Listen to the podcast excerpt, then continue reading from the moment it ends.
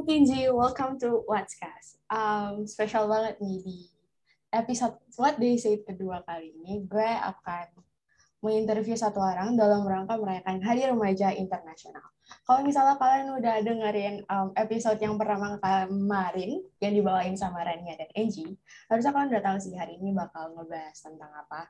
Nah, sebelum melangkah lebih jauh, kayak gue harus ngucapin dulu selamat Hari Remaja Internasional, karena pas banget di tanggal 12 ini adalah hari H, Hari Remajanya. Jadi, um, gue sebagai remaja Indonesia mengucapkan selamat Hari Remaja Internasional. Semoga kita semua um, bisa menjadi remaja yang bijaksana, terus bisa bertambah uh, kreatif dan ambisi kita dalam mencapai setiap mimpi dan target kita. Nah, sebelum um, gue mulai pembahasan episode kali ini, gue kayaknya perlu perkenalan diri dulu deh. So, hi, gue Alfa, gue founder of VR Teenagers and also designer coordinator, jadi untuk dunia perdesainannya WAT gue yang atur. Dan di episode kedua kali ini, gue kedatangan satu guest star, yang which is dia juga adalah seorang founder dari organisasi sebelah. Dan kalau kata orang sih, tak kenal maka tak sayang, tapi udah kenal juga tidak sayang. Tapi Mari kita kenalan dulu sama guest star kita. So, silakan Faye untuk memperkenalkan diri lo. Halo semuanya, jadi nama gue Raymond.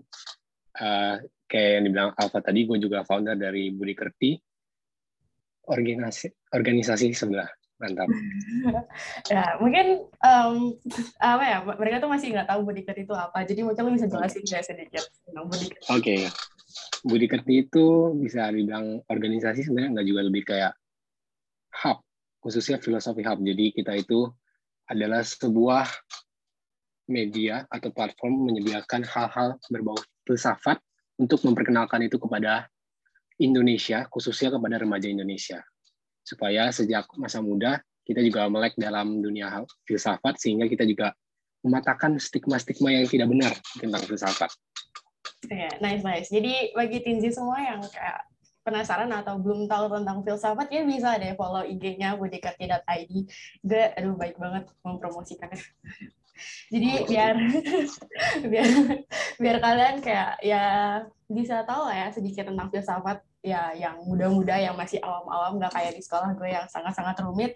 Jadi ya silahkan di follow budikerti.id.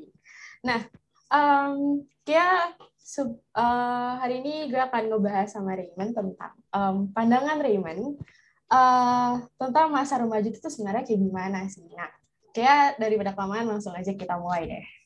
So, first, menurut menurut lo nih Ray, um, masa remaja itu apa atau siapa atau bagaimana sih? Hmm, kalau menurut gue remaja itu kayak yang dibilang orang-orang kayak sebuah masa peralihan gitu ya, di mana kita dibilang masih kecil nggak juga. Jadi kalau dibilang gede belum juga gitu ya. Uh, terus di masa-masa ini juga karena peralihan ya banyak perubahan-perubahan gitu sering banget kan kita merasa kayak melakukan segala sesuatu awkward gitu rasanya. Nah kalau itu gue pernah baca katanya perubahan itu karena itu hal baru jadinya bikin kita merasa tidak nyaman. Tapi bukan berarti perubahan itu hal yang buruk atau hal yang kita lakukan ini salah gitu Uh, Oke, okay, keren. Nah, kalau misalnya nih, gue nggak tahu sih lu bisa jawab ini atau enggak, tapi kalau misalnya tadi tuh dari sudut pandang lu sendiri, coba deh sekarang jawab dari sudut pandang filsafat itu. Gimana? Anja.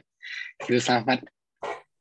Sebenarnya filsafat sendiri nggak ada khusus kayak masa remaja gitu ya. Filsafat lebih ke kalau masalah masa-masa gini ada masa aduh gimana ngomongnya gue sebenarnya filsafat yang khusus berfokus kepada remaja itu nggak ada karena filsafat itu lebih fokus ke satu luas kehidupan. Misalnya kalau kita bahas tentang kehidupan ada yang namanya eksistensialisme kan.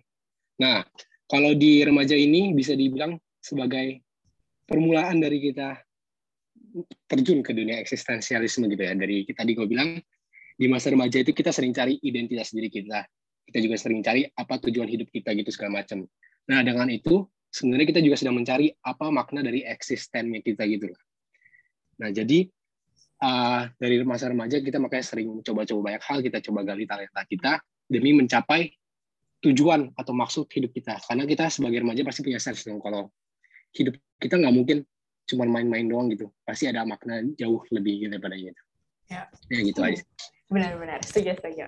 Nah lanjut Terus pasti kan kalau misalnya kita masuk ke masa remaja tuh adalah orang-orang bilang bahwa masa remaja itu adalah masa di mana kita cari jati diri atau even masa remaja itu adalah masa yang menyenangkan. Nah, kalau lu sendiri tuh setuju nggak sih sama stigma itu dan kenapa?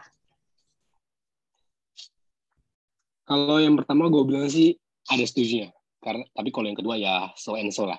Kalau yang pertama dulu nih, dari dibilang katanya mencari jati diri. Sebenarnya gue rasa iya karena gue sendiri juga ngalamin gue ada mencari mencari-cari jati diri gue gitu lah.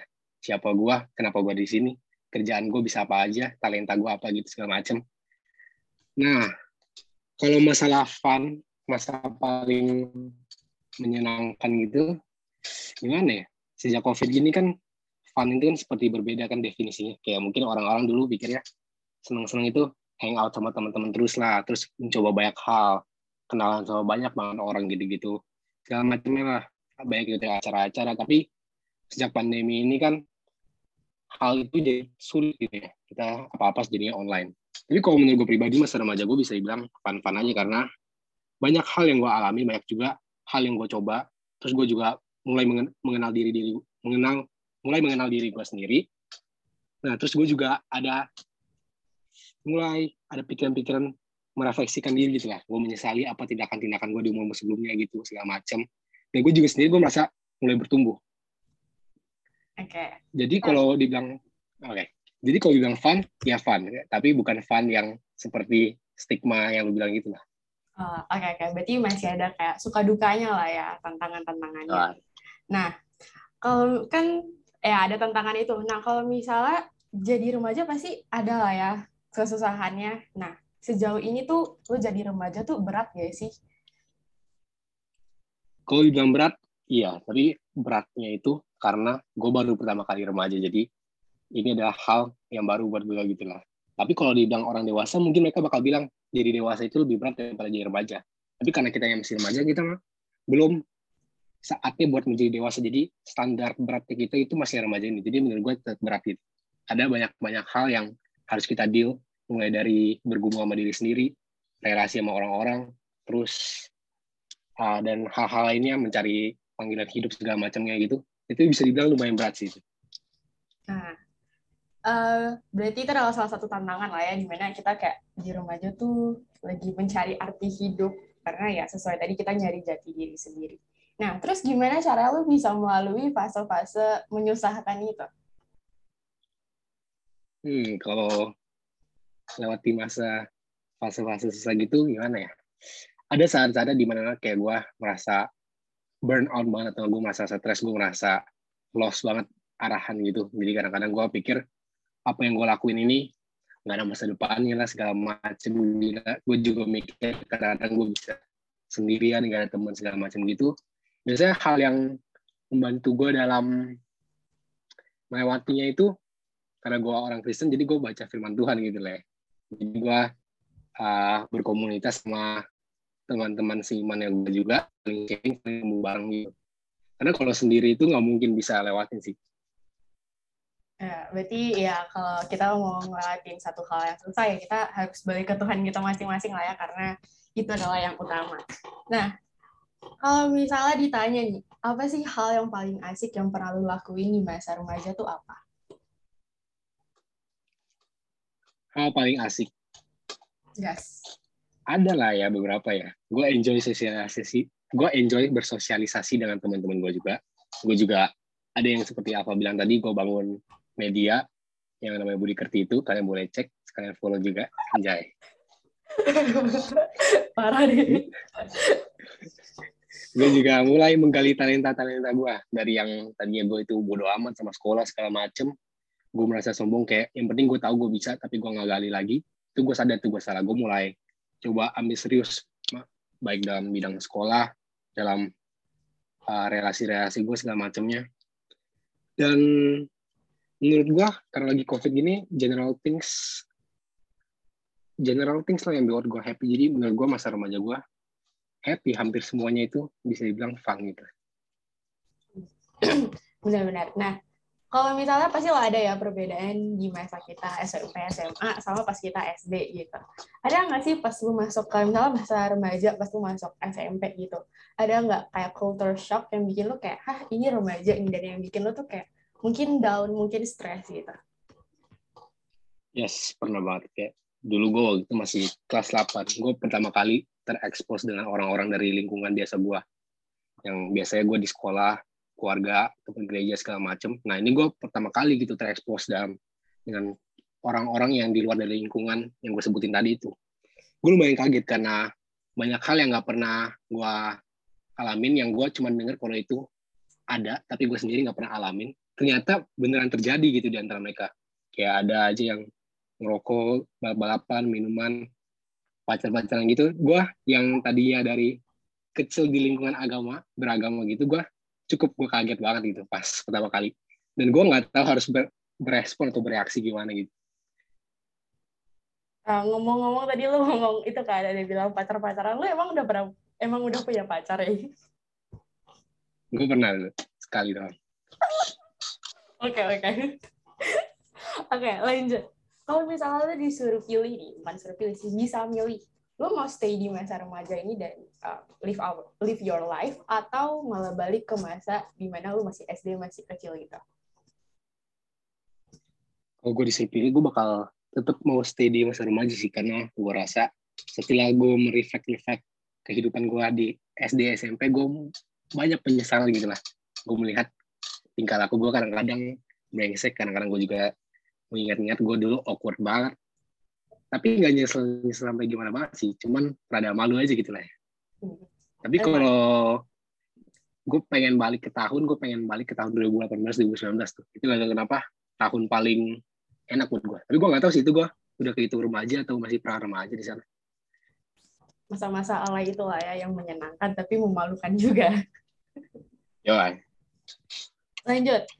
Lu pernah gak sih denger dengerin kayak stigma stigma tentang masa remaja? Kalau iya apa? Ini dong. Katanya kan remaja itu labil, mencari perhatian, cari jati diri. Coba-coba doang kerjaannya. Masih gampang dibodoh-bodohin.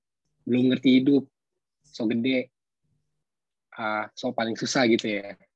Terus ada juga yang bilang remaja itu masa paling indah. Tapi ada juga yang bilang masa-masa kita memberontak gitu-gitu. Nah, jadi kan ada bilang nih, kayak ada mention tentang remaja tuh masa-masa di mana kita nyari perhatian.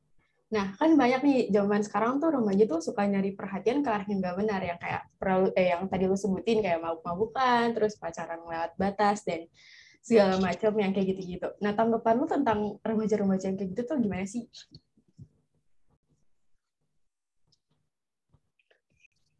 Hmm. Lumayan susah sih kalau kata gimana ya? Gue nggak benerin tindakan mereka karena ya balik lagi kita semua tahu kalau itu salah ya. Tapi yang gue pengen tekan itu kayak bagaimana respon kita ke mereka gitu. Walaupun mereka, kita tahu tindakan mereka itu nggak benar, mencari pelarian-pelarian begitu, kita juga nggak boleh merasa kalau kita itu lebih superior, kita lebih baik daripada mereka gitu. Karena gue pernah kayak merasa gue lebih baik daripada mereka karena gue ngelakuin hal-hal begitu. Tapi gue sadar juga mereka mungkin ada kesalahan tanda kutip gitu ya mereka lari ke hal itu. Tapi tanpa disadari gue juga ada kesalahan-kesalahan di mana gue mencari pelarian-pelarian yang lain. Jadi sebenarnya kita nggak boleh kayak nganggep orang-orang yang mabuk-mabukan segala macam gitu ah gila itu pasti nggak ada masa depan segala macam. Nah itu nggak boleh karena kita harus cek ke diri kita sendiri. Ya kita jangan pernah jadi orang judgmental gitu. Hmm. nah sebenarnya kalau pikir-pikir lagi kenapa sih kita masa remaja gitu sering cari pelarian-pelarian gitu kayak pacar-pacaran mabuk-mabukan kan biasanya karena kita pas remaja itu kayak ingin coba-coba. Kita ingin mencari sesuatu yang bisa mengisi kekosongan kita gitu lah ya sebenarnya apa pun hal yang lakuin itu baik. Hal-hal yang buruk banget kelihatannya tanda kutip buruk banget. Rokok baca-bacaan lewat batas segala macem. Itu gak bakal bisa menuhin tapi satu sisi hal-hal yang kelihatannya baik dan ideal banget itu pun juga nggak bisa menuhin keinginan lu. Eh kekosongan hati lu. Kayak misalnya lu menutup kekosongan hati lu dengan cara lu mau jadi anak ambis banget sampai berprestasi segala macam. Gak salah itu emang baik banget. Tapi jangan sampai lu jadi itu fokus utama buat lu mengisi kekosongan hati lu. Karena nggak bakal pernah puas boy gitu. Tuh gue tersindir tentang lo bilang ambis. Karena satu tahun belakangan ini gue benar-benar terlalu terlalu juga, terlalu ambis gue juga masih sering gitu kok. Sering ya. overwhelm bandai gue. Itu itu normal lah untuk sebagai remaja. Kita cuma jangan, jangan terlalu berlebihan juga sadar diri aja. Kalau nah, misalnya lu sampai beneran kayak lu bilang tadi merasa diri ambis juga ini itu sebenarnya nggak masalah. Bukan berarti lu jahat banget gitu loh. Maksudnya lu masih boleh lakuin hal itu. Yang penting lu masih ingat lu ada batasan. Dan ketika lu sadar lu uh, melarikan hal-hal ke situ bukan berarti lu kayak merasa tertuduh banget gitu. Maksudnya justru itu ajakan bukan ajakan gimana ya? Mari kita bertumbuh bersama kita. Keluar dari kita mendapat teguran kita harus ah gak tahu aja. Lanjut aja.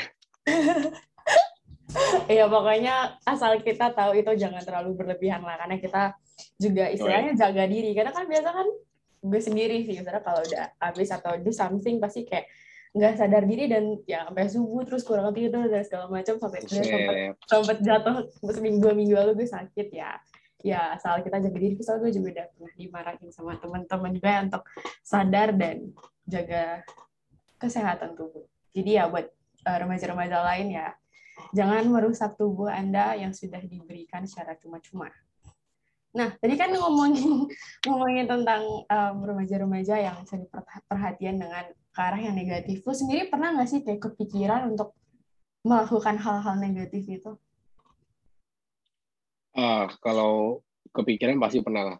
Uh, yang kayak gue bilang tadi kan kita mau coba-coba segala macam gitu. Karena gue sendiri juga ada cultural shock, gue juga pikir apa sebenarnya hal-hal yang gue diajarin gitu, kayak bilang hal-hal ini nggak boleh dilakuin, apakah itu benar gitu. Nah, gue pengen, ada sisi-sisi gue pengen coba. Tapi untungnya pas gue mau mencoba, biasanya gue itu orangnya mageran, jadi gue tidak seniat itu buat mencoba hal-hal seperti itu. Jadi sebenarnya mager itu ada sisi positifnya ya. Yoi, betul sekali. Lanjut. Nah, kan masa remaja tuh pasti kita kayak udah mulai sibuk lah, misalnya sibuk sekolah, nugas, atau misalnya kegiatan lain kayak ya kita berdua lah yang ngurus-ngurus kerjaan sendiri gitu. Nah, gimana sih cara kita tuh bisa bagi waktu dan tahu prioritas apa yang harus kita lakuin duluan nih, biar biasa kan um, kita terlalu memprioritaskan ke kegiatan lain yang di luar kewajiban kita yaitu sekolah gitu. Nah, cara bagi waktu dan biar semuanya itu bisa seimbang tuh gimana? Oke, okay. disclaimer dulu nih. Gue juga masih sering kewalahan kok dalam mengatur waktu dalam mengerjakan itu. Lagi ada sekolah, ada hal-hal lain yang perlu diurusin juga kan gitu ya. Nah, tapi gue mulai punya kesadaran gue harus ngatur waktu gue itu awal tahun ini. Pertama-tama gue, langkah pertama gue, gue konsultasi sama orang yang gue anggap lebih berpengalaman. Yang which is waktu itu adalah guru gue. Gue minta dia saran, buat bantu gue bikin jadwal. Gue udah bikin tuh jadwalnya. Setelah gue bikin-bikin, udah mantep tuh jadwalnya. Tapi, walaupun gue bikin, gue nggak pernah jalanin tuh jadwal. Gak. Baru selama, setelah enam bulan, bulan Juni kemarin, gue baru mulai jalanin jadwal yang gue bikin, dan itu pun masih 40% gitu. Jadi emang susah sih kalau lu mau ngatur, bukan susah ya gimana ya? Tidak semudah itu lu ngatur waktu, tapi memang itu ada hal yang sangat penting gitu. Tapi lu juga jangan kayak pikir, wah gue harus atur waktu nih gue langsung tiba-tiba nonton YouTube gimana cara mengatur waktu tiba-tiba lu besok langsung paling jago dalam hal mengatur waktu itu enggak gila itu benar susah itu benar-benar butuh adaptasi kalau enggak lu bakal overwhelm lu bakal menuduh diri lu sendiri kenapa lu nggak bisa ngatur waktu dan itu lu nggak berkembang malahan lu jadinya uh, bakal menyerah tengah jalan gitu. Nah jadi kalau gue waktu itu abis gue mulai uh, mulai konsultasi segala macem gue sesuaiin balik nih sama kerjaan gue waktu itu kan gue masih kelas 9 US jadi gue ngelakuin hal-hal yang bisa gue lakuin aja misal kayak baca buku rutin. Nah mulai setelah liburan gue baru mulai tambah-tambahin hal-hal yang bisa gue lakuin juga tuh. Misalnya gue belajar Mandarin segala macam bikin organisasinya juga segala macam gitu uh, dan perlahan-lahan gitu karena mulai masuk sekolah lagi gue juga mulai ada tantangan baru lagi buat nyesuaiin tugas sekolah sama kehidupan pembelajaran gue yang lain kan. Nah jadi ya gue semakin tiap hari itu sebenarnya belajar buat mengatur waktu gitu loh. Jadi semakin lu tua lu pasti bakal uh, bertambah lah pengetahuan pengetahuan mengatur waktunya lu gitu. Oke. Okay. Um, terus nih kan pasti remaja tuh kayak dapat pressure lebih banyak lah ya baik dari uh, lingkungan kayak keluarga atau temen atau even dari sekolah. Misalnya kayak pas kelas 9 kemarin uh, dari awal tahun 2021 udah diiming-imingkan sama guru kayak kan harus siap-siap uh, udah mau US gak boleh ada yang uh, nilainya kosong nanti nggak lulus segala macam. Nah gimana sih cara lu tuh untuk kayak menghadapi tekanan-tekanan uh, itu? Karena kan biasanya kan kita tuh kayak merasa jadi down merasa jadi males lah karena terlalu tertekan. Nah, cara ngadepinnya tuh ala lu tuh kayak gimana? Nah, kalau pikiran gue itu ya, gue gak berapa peduli kalau guru-guru ngomong kayak maksudnya, lu udah mau lulus nih, ayo belajar dong gitu. Nah, gue gak bakal dengerin. Karena gue emang sendiri orangnya gak suka dengerin gitu Kalau semakin lu larang gue, gue semakin lawan gitu. Nah, tapi akhirnya gue tetap persiapin diri itu bukan karena tekanan-tekanan, tapi karena apa tujuan gue atau motivasi di balik gue buat ngelakuin hal itu. Kalau gue waktu itu pas lagi US itu gue emang ada target, gue pengen coba lulus kasih yang terbaik lah. Makanya tanpa disuruh guru-guru pun gue masih tetap usaha, gue mulai coba belajar segala macem. Nah, tapi kalau lu ada tekanan-tekanan gitu, lu harus ingat satu hal ya, namanya. Kayak nilai hidup lu nggak ada di tangan orang-orang gitu. Dengan orang-orang menekan lu, itu juga nggak ubah siapa lu justru dengan orang-orang tekan lu lu harusnya sadar kalau apa ya gimana sih ngomongnya? Pokoknya intinya lu jangan pernah dengerin tekanan orang karena lu anggap aja tekanan mereka itu kayak angin kosong tapi lu tetap harus ngelakuin apa yang harus lakukan. Misalnya lu sebagai pelajar lu harus tetap belajar. Tapi bukan karena tekanan tapi karena memang lu harus belajar lu harus bertanggung jawab kepada orang tua lu dan kepada diri lu sendiri juga. Iya benar sih. Ya pressure itu bisa dijadiin malah motivasi ya asal jangan kayak malah karena pressure ah jadi males ah jadi gak mau ah ditekan-tekan gini ya jadi nanya itu motivasi dan gak usah didengerin juga sih serah kita hidupin jalan hidup sendiri lah nggak usah dengerin kata orang selama apa yang kita jalanin tuh masih benar dan sesuai dengan apa yang kita mau. Lanjut. Sebelum uh, dua pertanyaan terakhir secara umum nih, rate dong 1 sampai 10 kehidupan lu di masa remaja dan kenapa? Ah, 1 sampai 10. Kira-kira kayaknya 8 9 sih kayaknya. Kenapa? Karena gue sendiri gue kayak gue bilang tadi gue enjoy enjoy aja apa yang gue lakuin sekarang, apa yang gue apa yang ada pada gue sekarang ini. Tapi kalau dibilang kayak yang sangat ideal banget gitu, enggak juga. Tapi gue tetap bersyukur. Tapi enggak yang menderita banget gitu loh. Jadi gue merasa masa remaja gue ini cukup interesting and bisa di enjoy gitu. Oke. Okay. And last, mungkin lo bisa kali ya saat kasih satu atau dua pesan untuk sesama remaja yang dengerin podcast ini sekarang. Apa ya? Masa-masa remaja ini jangan pernah coba lewatin masa ini sendiri harusnya justru di masa ini kita harus open up pada orang-orang, kita harus menambah relasi kita juga. Dan justru di masa ini kita bakal belajar kalau it's not about ourselves gitu. Dengan lu berfokus pada diri lu sendiri, masa remaja lu bakal menyusahkan, bakal penuh tekanan karena lu fokusnya kepada diri lu sendiri. Belajarlah lu berfokus kepada hal yang lebih besar daripada lu karena memang diri kita ini tidak bisa diandalkan sama sekali, makanya kita butuh orang lain dan gue juga sebagai orang Kristen jadi gue bakal bilang you cannot fill your void with anything other than God. Itu jadi mau bagaimanapun lo harus kembali ke Tuhan. Ya benar. Sih pokoknya kita nggak bisa jalan sendiri. Karena secara harafiah pun kita adalah masuk makhluk sosial ya yang nggak bisa um, di situ doang. Karena sendiri semua apa apa sendiri yang nggak bisa gitu.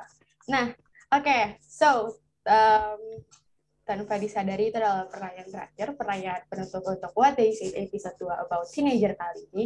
Gue benar-benar berterima kasih buat kalian semua para Tizi yang udah mendengarkan episode What They Say kedua kali ini. And also gue mau berterima kasih juga untuk Rayman yang udah bersedia gue interview hari ini. Semoga um, apa yang uh, jawaban-jawaban Rayman bisa membuka pemikiran kita semua dan bisa nambah insight kita. So, Gue Alfa dari We Are Teenagers. Pamit mengundurkan diri. Bye-bye semua. See you and stay safe and stay safe. Dadah. Bye-bye. Oh ya, jangan lupa follow Budi Kerti at idea. Gak, gak baik banget. Yoi.